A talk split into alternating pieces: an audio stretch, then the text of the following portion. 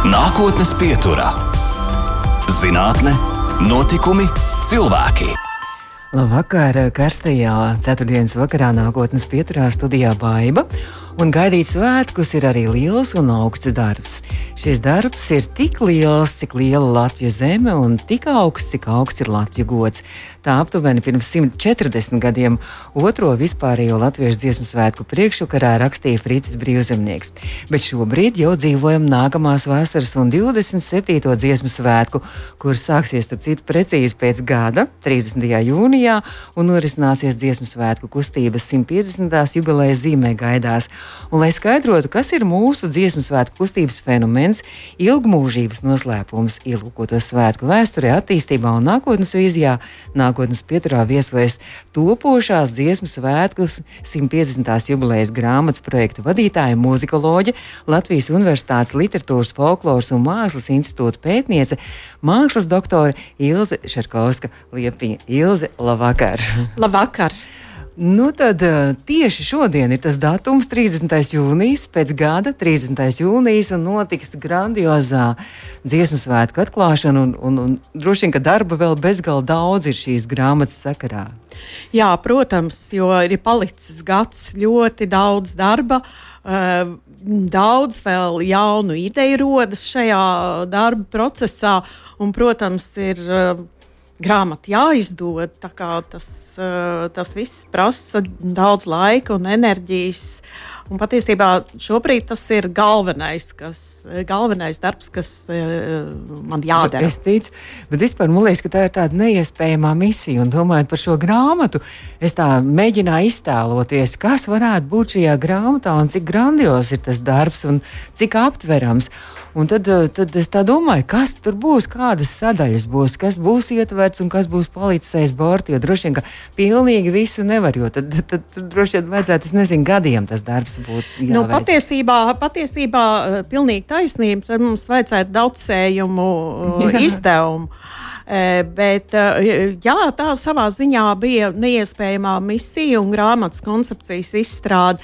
Tiešām prasīja diezgan ilgu laiku un arī redkolēģijas darbu, un tad vairākās smadzeņu vētrās mēs nonācām pie zinām kopsaucēju. Un tas kopsaucējs izsakāms vienā vārdā - dziesma, respektīvi dziesma un mūzika. Jo pēdējā laikā ir tomēr jau 2000. gados iznākuši vairāki darbi, vairākas grāmatas, gan Ilmas Grausdiņas sastādītā brīnišķīgā grāmata izredzētie par e, koru virsdiriģentiem, e, gan arī viņas un Oļģerta Grāvīša mazā dziesmu svētku enciklopēdija kur var atrast visus faktus, visus datus par dziesmu svētkiem. Nu, ne gluži visus, mm -hmm. bet uh, vismaz pamatlietas pilnīgi noteikti. Uh, kā arī, protams, Kultūras akadēmijas projekta ietvaros tap, tapusī grāmata uh, par dziesmu svētkiem, tādā vairāk socioloģiskā aspektā, vesels pētījumu kopojums, apkopojums. Uh, tad, nu, man likās ļoti svarīgi, lai e, mēs koncentrētos uz mūzikas stilistiku, uz pašu mūziku, uz komponistu daļradi, e, uz diriģentu pienesumu, visu to, kas e, veido dziesmu svētku muzikālo pusi. Nu, tad uz šo muzikālo pusi mēs paraudzīsimies no ļoti dažādiem skatu punktiem. Piemēram, mm, uz dziesmu svētku repertuāru, tautas dziesmas kontekstā. Tautas dziesma un dziesmu svētku repertuārs. Bet tas repertuārs arī, es domāju, nu labi, tautas dziesmas kontekstā, bet, bet eh, jāņem vērā, ka arī bija pirms padomju laiks, tad padomju laikā, jā, kad droši vien ārkārtīgi mainījās tas repertuārs un repertuārs noteica arī visu šī situācija, kādā mēs dzīvojām toreiz. Un tagad ir atkal atgriezies atmodas laiks, un atkal cits tas repertuārs pamainījies.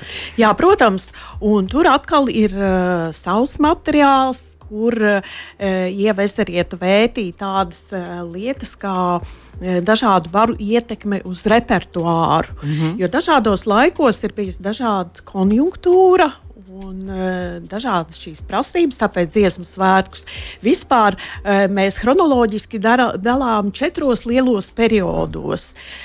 Nu, šī perio periodizācija tiks grāmatā arī saglabāta, bet, kā jau teicu, tad tas fokus mm -hmm. ir mhm. tiešām mu muzikālā puse. Tāpēc man ir ļoti liels prieks, piemēram, ka uh, diriģenta darbu, darba specifiku un uh, dziedāšanas, pašas dziedāšanas tradīciju aplūko uh, tāds. Uh, virsdirigents, kurš ir arī labs rakstītājs, un tas ir Jānis Erinštreits. Uh -huh. Pie tam tādā plašā vēsturiskā kontekstā viņš tiešām ir izbūries cauri uh, dažādiem metodiskiem norādījumiem, ko ir rakstījuši e, dažādos laika periodos, dažādi virsdiriģenti.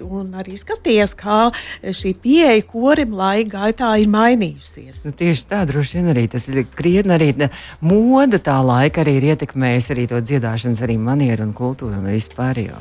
Jā, protams, e, piemēram, paskatoties Nikolai Alunāna brošūras. Tur var skaidri redzēt, ka atšķirās pat kora izkārtojums, mm. jā, pa, pēc balsīm. Nu, nu, pilnīgi savādāks nekā tas ir šodien. Un tā kā jā, tur ir daudz ļoti interesantu nianšu, un es ceru arī, uh, ka parādīsies grāmatā arī daža laba jauna atziņa, uh, jo, manuprāt, mēs neesam pietiekami novērtējuši dziesmu svētku priekšvēsturi, par kuru savukārt es rakstu. Es tieši gribēju vaicāt, jā, jā un še, šīs priekšvēstures ļoti būtiska uh, sadaļa, ļoti būtiska daļa ir. Uh, garīgais repertuārs, un proti, kā e, dziesmu svētku ideja e, ir um, nākusi no dziedāšanas draudzē, mm -hmm. no garīgā repertuāra kam sākotnēji ir pat primārā loma, un tikai vēlāk, jau laika gaitā, e, pienāk klāt latviešu repertuārs. Un sākumā jau bija tikai arī vīru kori, vai ne? Uh, nu, tur ne? tāda interesanta lieta. Uh, uh, Vēsturnieks Gvidos Straubi, piemēram, uzskata, un es esmu nonākusi pie līdzīga secinājuma, ka uh, Latviešu kordziedāšanu ir, un dziesmu svētku kustību ļoti ietekmējusi ir hernhūtiešu kustība un garīgā dziedāšana tieši hernhūtiešu draudzēs. Bet ko tas nozīmē? Hernhūtiešu draudzē ir arī sievietes. Un sieviete, sieviešu emancipācija faktiski ir ļoti svarīga šo draugu sastāvdaļa. Mm.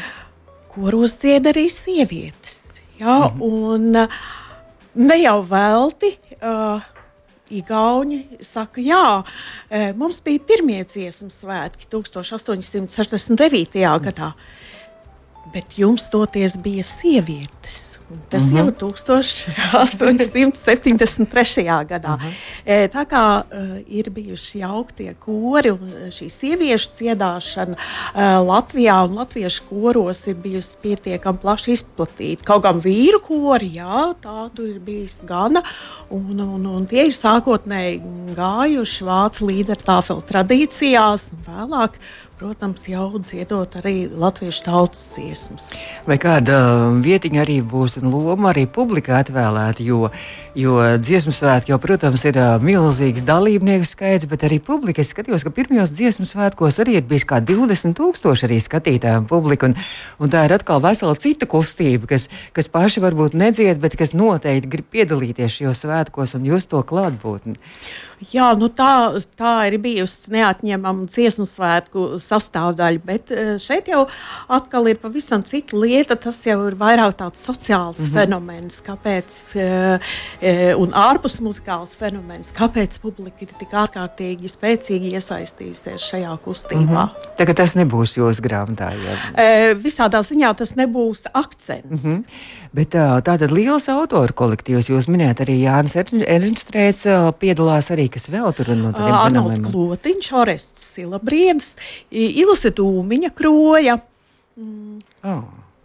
Es pati. Yeah. Uh, Ieva Ezerieta, radiokora Lakstīgala un e, pēc savas izglītības arī vēsturniece un brīnišķīga vēsturniece. E, tā kā mums ir diezgan, diezgan spēcīga grupa, es tā domāju. Vai varēs nojaust arī šajā grāmatā, vai vismaz nojaust, uh, kas tad ir tas mūsu dziedāšanas, kultūras un dziesmu svētku fenomens, ar ko mēs tā lepojamies? E, tas fenomens e, un, un tā ilgmūžība. Mm, slēpjas galvenokārt tajā apstākļā, un to arī Arnolds Klotiņš ir vairāk kārt uzsvēris, ka uh, dziesmu svētku repertuārā ir bijis vienojošais elements vienmēr, un tā ir tautas dziesma. Tas ir šis nacionālais repertuārs. Jo raugi, piemēram, Skandināvijas valstīs, kur arī bija dziesmu svētku kustība, bet šī dziesmu svētku kustība ir izčākstējusi. Kāpēc?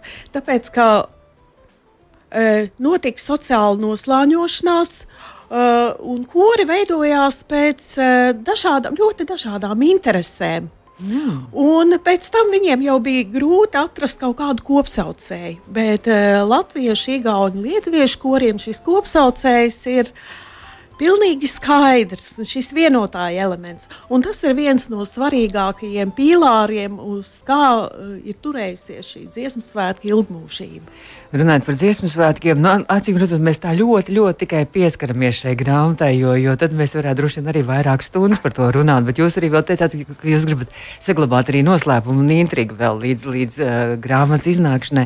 Bet runājot par dziesmu svētkiem, tad tikko arī jūs ar priekšlasījumu uzstājāties arī, kas ir viens liekas, fenomens, ka, ka latvieši, lai kur viņi būtu pasaulē, viņi dzied un arī rīko dziesmu svētkus. Un tikko arī notika Eslīgans dziesmu svētkiem 75, un jūs arī ar priekšlasījumu uzstājāties arī šajos dziesmu svētkos. Par trimdas dziesmu svētkiem vai arī būs kāda? Kāda sadaļa, kāda nodaļa šajā grāmatā? Jā, par trījus dziesmu svētkiem tieši rakstījis Orests Silabriedis. Viņš jau strādā pie šī materiāla.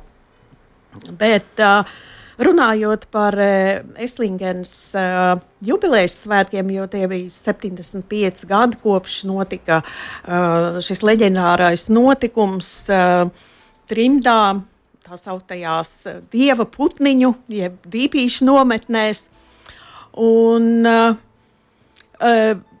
koris, uh, ko es īpaši gribu mm, uzsvērt, uh, skanēja apbrīnojami labi, ņemot vērā Covid reālijas Un ņemot vērā to, ka uh, diasporai nāks uh, um, sastapties ar ļoti daudzām un dažādām grūtībām, mm. uh, ar kādām mēs šeit Latvijā nesastopamies. Uh, atpakaļ ceļā man uh, izdevās parunāties ar Dāņu kora dalībnieci, uh, kuras stāstīja, ka Rietumvējuši kurs, ja? Kā lūdzu? Kurs Rietumvējuši. Jā, uh, un uh, Un, e, viņi stāstīja, ka viņa diriģents strādā uz brīvprātības principiem. E, tas nozīmē, ka viņiem netiek maksāta alga. E, savukārt viņi paši, protams, nopērk visus tērpus. Viņi mhm. arī Covid laikā ļoti cītīgi mēģināja arī tiešsaistē uh, un uh, tikās visdažādākos uh, apstākļos, lai tikai varētu kopā dziedāt, arī braucot 150 mm -hmm, km un vairāk, mērojot tālus attālumus, lai tikai varētu dziedāt korī. Un tad es sāku domāt par to, jā, cik mums Latvijā ir labi, jo mums viss jau ir. Uh, mums nav tādu problēmu, tādu mm, finansiālu problēmu, bet motivācija ir vienkārši apbrīnojama. Un diasporas koru motivācija tas ir tiešām uh, vēl viens uh, fenomens, par kuru ir vērts runāt.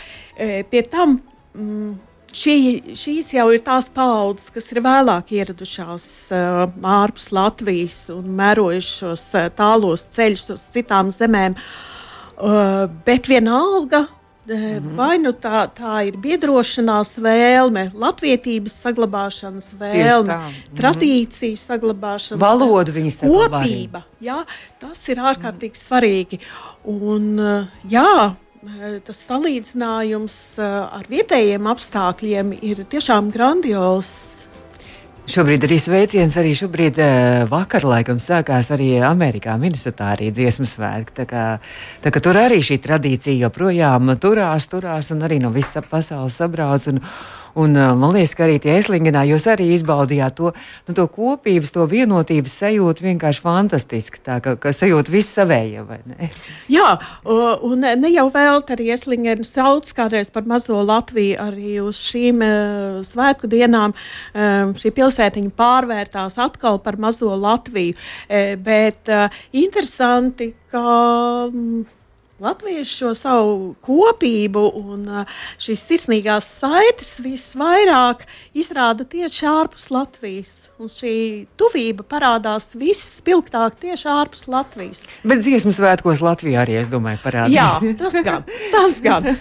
Tātad pēc gada dziesmu svētki Ilza Šarkovska liepiņa, muzikoloģa, kultūras doktora, šobrīd mākslas doktora pie mums studijā ir, un mēs turpināsim pēc brīža arī par citām, citām jūsu lietām, ko esat darījis, un grāmatām un projektiem, ko esat rakstījis. Bet nu, mēs ar nepacietību gaidām, kad būs at atvēršanas svētki grāmatai. Uh, nu, tie atvēršanas svētki ir plānoti dziesmu svētku laikā. Tā kā pēc gada tā tad, pēc jā. Gada, pēc gada ar nepacietību gaidīsim. Un, Un, un grāmatai jau mm, ir zināms, cik liels apjoms būs, cik lapuši būs, cik grāmata būs bieza un smaga. Nē, Tieši, tieši otrādi mēs vēlējāmies, lai grāmata nebūtu ļoti bieza un ļoti smaga, jo šīs lielās un, un superbiezās grāmatas tā arī iegulst plauktos un, un paliek uz galda. E, nav tik eh, ērti un parocīgi šo grāmatu paņemt rokās un lasīt un iedziļināties. Eh, tāpēc eh, mēs plānojam tādu gluži cilvēcīgu apjomu, lai, lai lasītājiem tiešām būtu prieks paņemt rokās un, un rokas nesaļims no mhm. grāmatas smaguma. Nākotnes pieturā - zinātne, notikumi cilvēki. Turpinām nākotnes pieturu šo raidījumu. Arī pēc tam varat mājaslapā, mūsu mājaslapā, audio saitē noklausīties un arī podkāstos lielākajās vietnēs. Mūsu viesne šodien nākotnes pieturā ir muzikoloģija. Latvijas Universitātes Literatūras, Folkloras un Mākslas institūta pētniece, mākslas doktore Ilze Šarkovska Liepiņa. Tātad nu, mēs runājam par to topošo projektu dziesmu svētkiem 150, kas tikai pēc gada ieraudzīs savu dienas gaismu. Bet Ilze ir uh, bijusi gan Latvijas mūzikas informācijas centra pirmā direktore, veidojas digitālo latviešu komponistu datu bāzi katalogu, arī Latviešu simfoniskās mūzikas katalogu, vadījis Mūzikas akadēmijas zinātniskās pētniecības centru, ir vairāku grāmatu sastādījis vadītāja autora, līdzautore. Jāzepam Vītolam 150 kolektīvā monogrāfija Latviešu mūzikas kods, versijas par mūziku gadsimtu mijā, bet pirms pāris gadiem iznāca arī jūsu tāda ļoti apjomīgā monogrāfija Latvijas mūzikas renesansē, priekšvēstneši, briedums un komentāri. Un Latvijas Zinātņu akadēmijas arī atzinība tā iegūta kā viens no gada nozīmīgākajiem sasniegumiem zinātnē. Nu tad mazliet par šo grāmatu, kas vispār ir renesans un mums tā arī par renesansu mēs domājam, tad kaut kā tā atmiņā uzpeld, piemēram, Itālija, kas tāda, nu, liekas, tāda renesanses meka, vai tiešām arī Latvijā renesanse bija? Jā, protams, e, jo e, Latvija iekļāvās rietumu kultūras telpā, rietumu mūzikas telpā. Un arī Latvijā parādījās viss tipiskākais uh, renesanses iezīmes. Uh, gan ne tik uh, spilgti, varbūt ne tik individuāli un tik koši un grandiozi, kā tas bija Itālijā vai uh, Francijā, bet nekas no. Uh, renesanses vēsmām faktiski nav gājis Latvijai garām. Un Latvijai ir savi komponisti, kuri ir darbojušies eh, šajā laikā, respektīvi ehm, sākot ar 15. gadsimtu eh, kura laikā rodas pirmie renesanses priekšvēstneši. Un, uh, Beidzot, protams, ar tādu grandiozu kustību kā reformācija, un Rīgā reformācija, un Livonijā, tā laika Latvijas teritorijā reformācija parādījās pat agrāk nekā dažā labā Vācijas pilsētā. Bet ko tas nozīmē?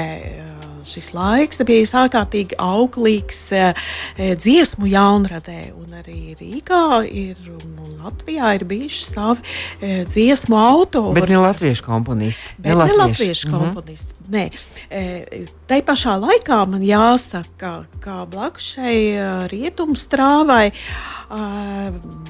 eksistēja arī tradicionālās uh, kultūras slānis, un abu šo slāņu miedarbi ir notikusi. Vēl tiek minēts, piemēram, uh, ka tiks tikus spēlēt kokla baznīcā vai, piemēram, uh, latviešu vidē, vietējo iedzīvotāju vidē ir ienākuši arī daudzi rietumē Eiropas mūzikas instrumenti un adaptēti kā savēji. Viola, dūdas.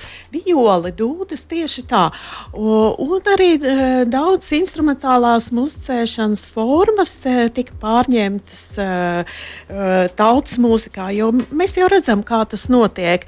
Ja kaut kas patīk, tad tas tiek mm -hmm. bez, kādām, bez kādiem krēķiem paņemts un apdarināts savā stilā un pēc savām vajadzībām. Tā kā šī miedarbe visu laiku ir pastāvējusi un bijusi.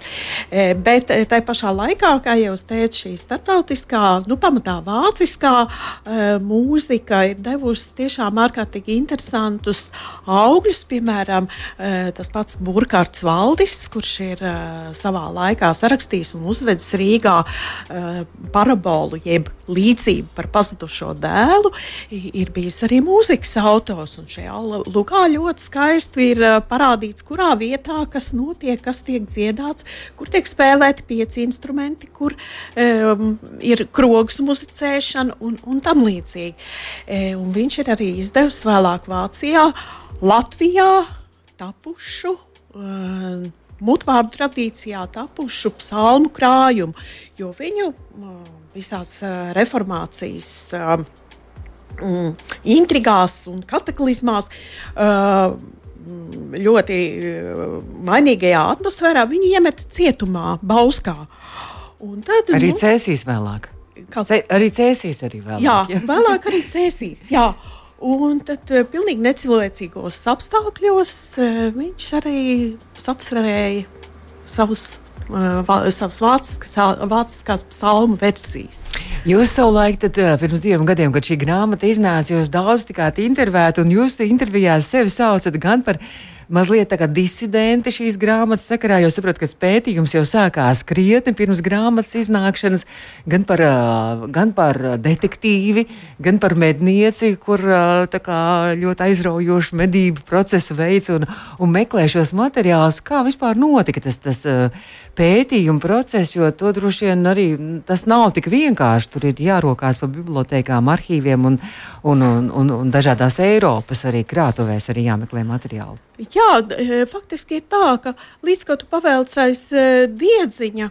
To drēbi, tā tev nāk rokās arī pats audekls, un, un tu tā šķetini uh, pa kriksītim, pa kriksītim, un tev atklājas ar vien jaunas lietas, un jaunas kopsakarības, un jauni fakti. Tā kā Sāku es eh, savā laikā ar um, grāmatu, pirmo uh, latviešu dziesmu grāmatu, un tādu psalmanu Gaisliņa līderu. Un līdz ko es sāku strādāt ar visiem šiem materiāliem, tā pēkšņi atklājās, ka ir bijis lūk, komponists Pauls Bucēns, kurš ir rakstījis daudzbalsīgo mūziku.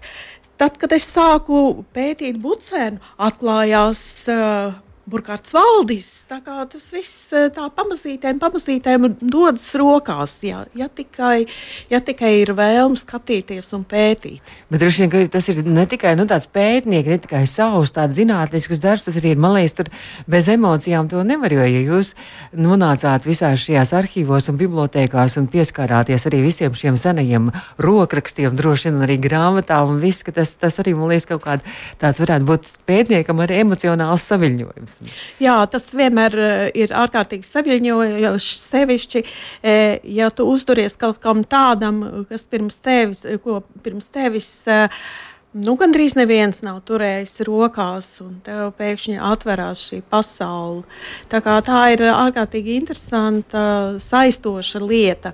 Un vispār es gribētu teikt, ka pētnieka darbs ir uh, ārkārtīgi interesants un aizraujošs. Un, uh, zinātnieks nebūtu nav uh, tipiņš baltā halātā ar mēģinēm rokās. Vai arī, teiksim, uh, humanitāro zinātņu cilvēks, kas sēž ziloņa kaula turnī un uh, šķirsta grāmatas, jā, ir ieurbies arhīvos vai, vai, vai, vai senās grāmatās. Vai, Viņam ir jādara ārkārtīgi daudzas lietas, jo mēs paši piesaistām finansējumu saviem pētījumiem, administrējam ļoti daudzas un dažādas lietas. Visbeidzot, pat uh, savas grāmatas izdodam lielākoties sadarbībā ar izdevniecībām, gan, bet, uh, kā saka, menedžējam paši. Mm -hmm. Atgriežoties pie šī pētījuma par renesanses laiku Latvijā un Latvijas mūzikā un kultūrā. Tad, eh, kāpēc jūs saucat arī uh, sevi par disidentu zināmā mērā šīs grāmatas sakarā? Uh, tāpēc, ka uh, 80. gados nodarboties ar vācisko mm, vācu baltisko kultūru. Tas jau bija pirms atmodas laiks. Jā, jā nu, īsti, īsti nebija mm, atbalstāmi. Mm -hmm. Uh, un viss, kas uh, saistījās ar uh, šo kultūras slāni, tika uzskatīts par tādu varbūt mazvērtīgāku, naidīgu, naidīgu latviešu kultūrai. Kaut gan pēc būtības tā, tā gluži viss nevar teikt, jo ir notikusi kultūras pārnese, ir bijusi situācija, kurā e, ir eksistējusi e, skaitā neliela subkultūra, kas ir pārņēmusi teiksim, visas varas funkcijas sabiedrībā. Bet te pašā laikā lūk, ir šis kultūras mantojums, ko mēs nevaram. Uh, no kā mēs nevaram atteikties. Nu, lūk, un 80. gadi faktiski bija tas laiks, kad uh, tika celts augšā un rehabilitēts šis uh, vācu baltiskais mantojums. Un, faktiski ar to Bet tas bija padomu laiks vēl, jā? Padomu laiks, padomu jā. laiks, jā. Un tas tā kā, tā kā bija jāvēl, nu tas bija tas, tas mazliet tāds uz, uz slidenā robežas. Faktiski tas jau bija atmodas laiks, mm -hmm. jo pirmās publikācijas man parādījās 88. gadā. Tā kā tieši ar atmodas laiku tas ir sācies. Un šī grāmata bija tā kā, jā, grā, pamats bija jūsu doktora disertācija disertācija? Jā, doktora disertācija tika aizstāvēta 97. gadā, e, bet 90. E, gados nebija iespējas strādāt ārzemju arhīvos finansiālu un daudz citu iemeslu dēļ. Un to es varēja realizēt tagad, pēdējā desmitgadē. Es ar lielu prieku strādāju gan Vācijas arhīvos, gan Zviedrijā, gan Polijā. Tā kā grāmatā ir uh, ir um, lūk, šis te mm -hmm. klātbūtnes efekts. Tas moments, kad man ir bijis iespēja turēt visus materiālus rokās. Kāda lielāka izaicinājuma ir rakstot šādu apjomīgu pētījumu? Nezaudēt drosmi. jo bieži vien, uh, jā, tu apmulsti uh, lielā materiāla klāsta, uh, klāsta dēļ. Jo dažkārt ir tā, ka uh, pie kaut kāda viena grauda tu nonāc uh, pēc vairāku nedēļu darba. Un bieži vien pētnieka dzīvē ir tā, ka lielāko daļu tu uh, sastopies ar materiālu, kas tev galīgi nav vajadzīgs, bet uh, kurš ir nepieciešams uh, vienkārši uh mhm. -huh. izskatīšanai. Un tad tu uh, skatot šos materiālus, uzrod, uz, uzrots, uzduries lūk, šam, šim vērtīgajam graudam. Zelta, zelta dzīslai tā teikt. Jā, zelta dzīslai. Jā, tā kā um, ir bijuši brīži, kad vienkārši nolaižas rokas, jā, bet uh, nezaudēt drosmi. Paldies uh, par šo sarunu. Mēs turpināsim vēl pēc brīža Ilze Šarkovska liepiņa šobrīd mūsu studijā. Nākotnes pieturā. Mēs turpinām nākotnes pieturu un uh, Ilze Šarkovska liepiņam. Mākslas doktora un arī muzikoloģija ir mūsu studijā. Un, un droši vien mēs vēl varētu par ļoti daudziem jūsu pētījumiem un projektiem runāt. Bet uh, gribēju vaicāt, un tad jau pirms raidījuma mums tā nejauši tā saruna tā izveidojās par to, ka gribēju vaicāt, vai jūs tikai esat uh, pētniece, un jūs stāstījāt tikko, ka jūs kolēģis arī darbojas grupā un vada grupu, un uh, gribēju vaicāt, vai jūs pat arī dziedat un esat dziesmu svētkos piedalījusies, jums šobrīd pētījums par dziesmu svētkiem. Un tad tāds izrādījās, ka pasaule ir ļoti maza.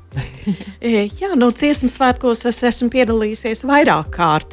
Sākot ar studiju gadiem, kad uh, dziedāju Mākslas akadēmijas korī Sanais Kalns uh, pie diriģenta Edvarda Grāvīša, mm -hmm. kurš tagad ir diriģents aizkrauklis korī. Un tā kā es, man dzīves vieta ir aizkraukli, tad, protams, es eju uz šo kori loku balsi līdzi citiem aizkraukliem. Kā izrādās, arī būs ēterā. Esat locījis balsi, jo aizkrauklis kurs jau vairākus gadus, 21. jūnijā, piedalās arī gadsimta garākajā līgo dziesmā. Jūs arī skaitā, jā, jā. jā, līgoju līdzi. Tas nozīmē, ka aizkrauklis kurim šobrīd ir vasaras brīvlaiks mazliet, un tad jau dziesmu svētku. Jā, Viss sezona sākās rīktīgi. Jā. E, Jāņi ir garām, un uh, nolīgots ir godam. Tā kā ir atvaļinājums. Un tad jau viss nākamā, jau no rudens sākot, tad jau ļoti intensīvi droši vien jau viss. Jā, nu faktiski jau vasaras beigās mm -hmm. jau ir uh, plānots, ka mēs uh, ieskandināsim arī jauno dziesmu svētku estrādi uh, kopā ar citiem koriem. Uh, un, uh, jā, un tad nāk rudens sezona un gatavošanās jau lielajam lielajam uznācienam dziesmu svētkos. Tad jums dubult uznāciens būs gan ar kori, gan ar grāmatu. E, tā gan ir. Grūti pateikt, e, kas man šobrīd ir e, svarīgāks. Nē, laikam tomēr grāmata. Jā. Bet runājot par, par jūsu ceļu pētniecībā, muzikoloģijā, kā jūs nonācāt līdz tam? Man, mani ļoti ieinteresēja mm, vēl uh, Eh, toreizējā konservatorijā mans specialitātes pasniedzējs eh, Zintars Kļaviņš. Un, Jau konservatorija beidzot, man bija ārkārtīgi liela interese par agrākiem Latvijas mūzikas vēstures periodiem. Mans diploma darbs bija veltīts Beethovena laikmetam Latvijas mūzikas kultūrā. Mm. Bet tad ar laiku radās šī interese vēl par agrākiem laika periodiem. Tā es nonācu līdz viduslaikiem un uh, renesansei. Tas ir ārkārtīgi suģestējošs periods. Uh, šobrīd paralēli dziesmu svētku grāmatai uh, darbojos arī lielākā mūzikas vēstures projektā. Un, Strādāju pie 18. gadsimta materiāliem, latviešu dziesmu grāmatām un arī uh, hernhūtiešu muzikālās tradīcijas izpētes, e, kam lielā mērā tomēr ir ārkārtīgi liela saistība ar mūsu e, dziedāšanas kultūras pagātni un arī ar dziesmu svētku sākotni, kora kustības mm. sākotni. Tas nozīmē, ka vasara gan tiešā, gan arī pārnestā nozīmē, laikam, karsts laiks būs. Jums. Tā gan ir. Tā gan ir, jo šovasar, lai arī formāli man trīs institūtā sāks atvaļinājums, nekāds atvaļinājums nesenāks. To jau es tāpat zinu. Mm -hmm. Jo, ja mēs vēlamies tiešām saistošu grāmatu laist klajā, saistošu arī vizuālā ziņā, eh, tad eh, nu jā, tas -hmm. prasa laiku. Un tas prasa arī reizēm zināmu ziedošanos, un tas ir mazākais, ko es varu darīt. Nu, ziedot arī savas brīvās uh, vasaras dienas.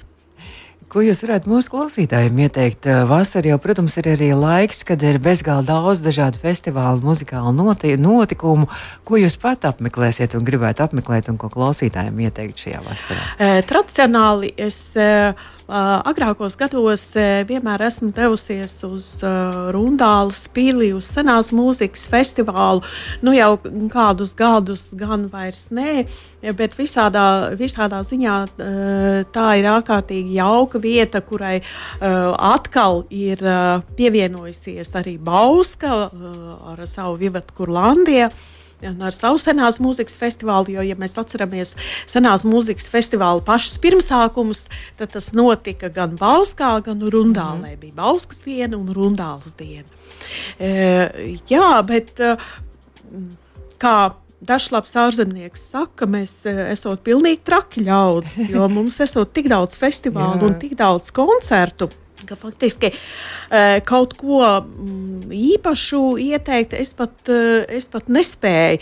Protams, ir uh, Jūrmālas festivāls, brīnišķīgs festivāls, kas ir veltīts klasiskajai mūzikai, bet tikpat labi arī dažādās mazās mūžiņās un pilsdrupās, nelielās estrādēs notiek tik daudz visa, kā ka, baudiet vasaru noteikti un baudiet muzikālo vasaru. Paldies, paldies šovakar, ka atvēlējāt mums laiku, un paldies, un lai skaisti vasara tāda darbīga un ražīga arī. Paldies! Izskan nākotnes pieturā.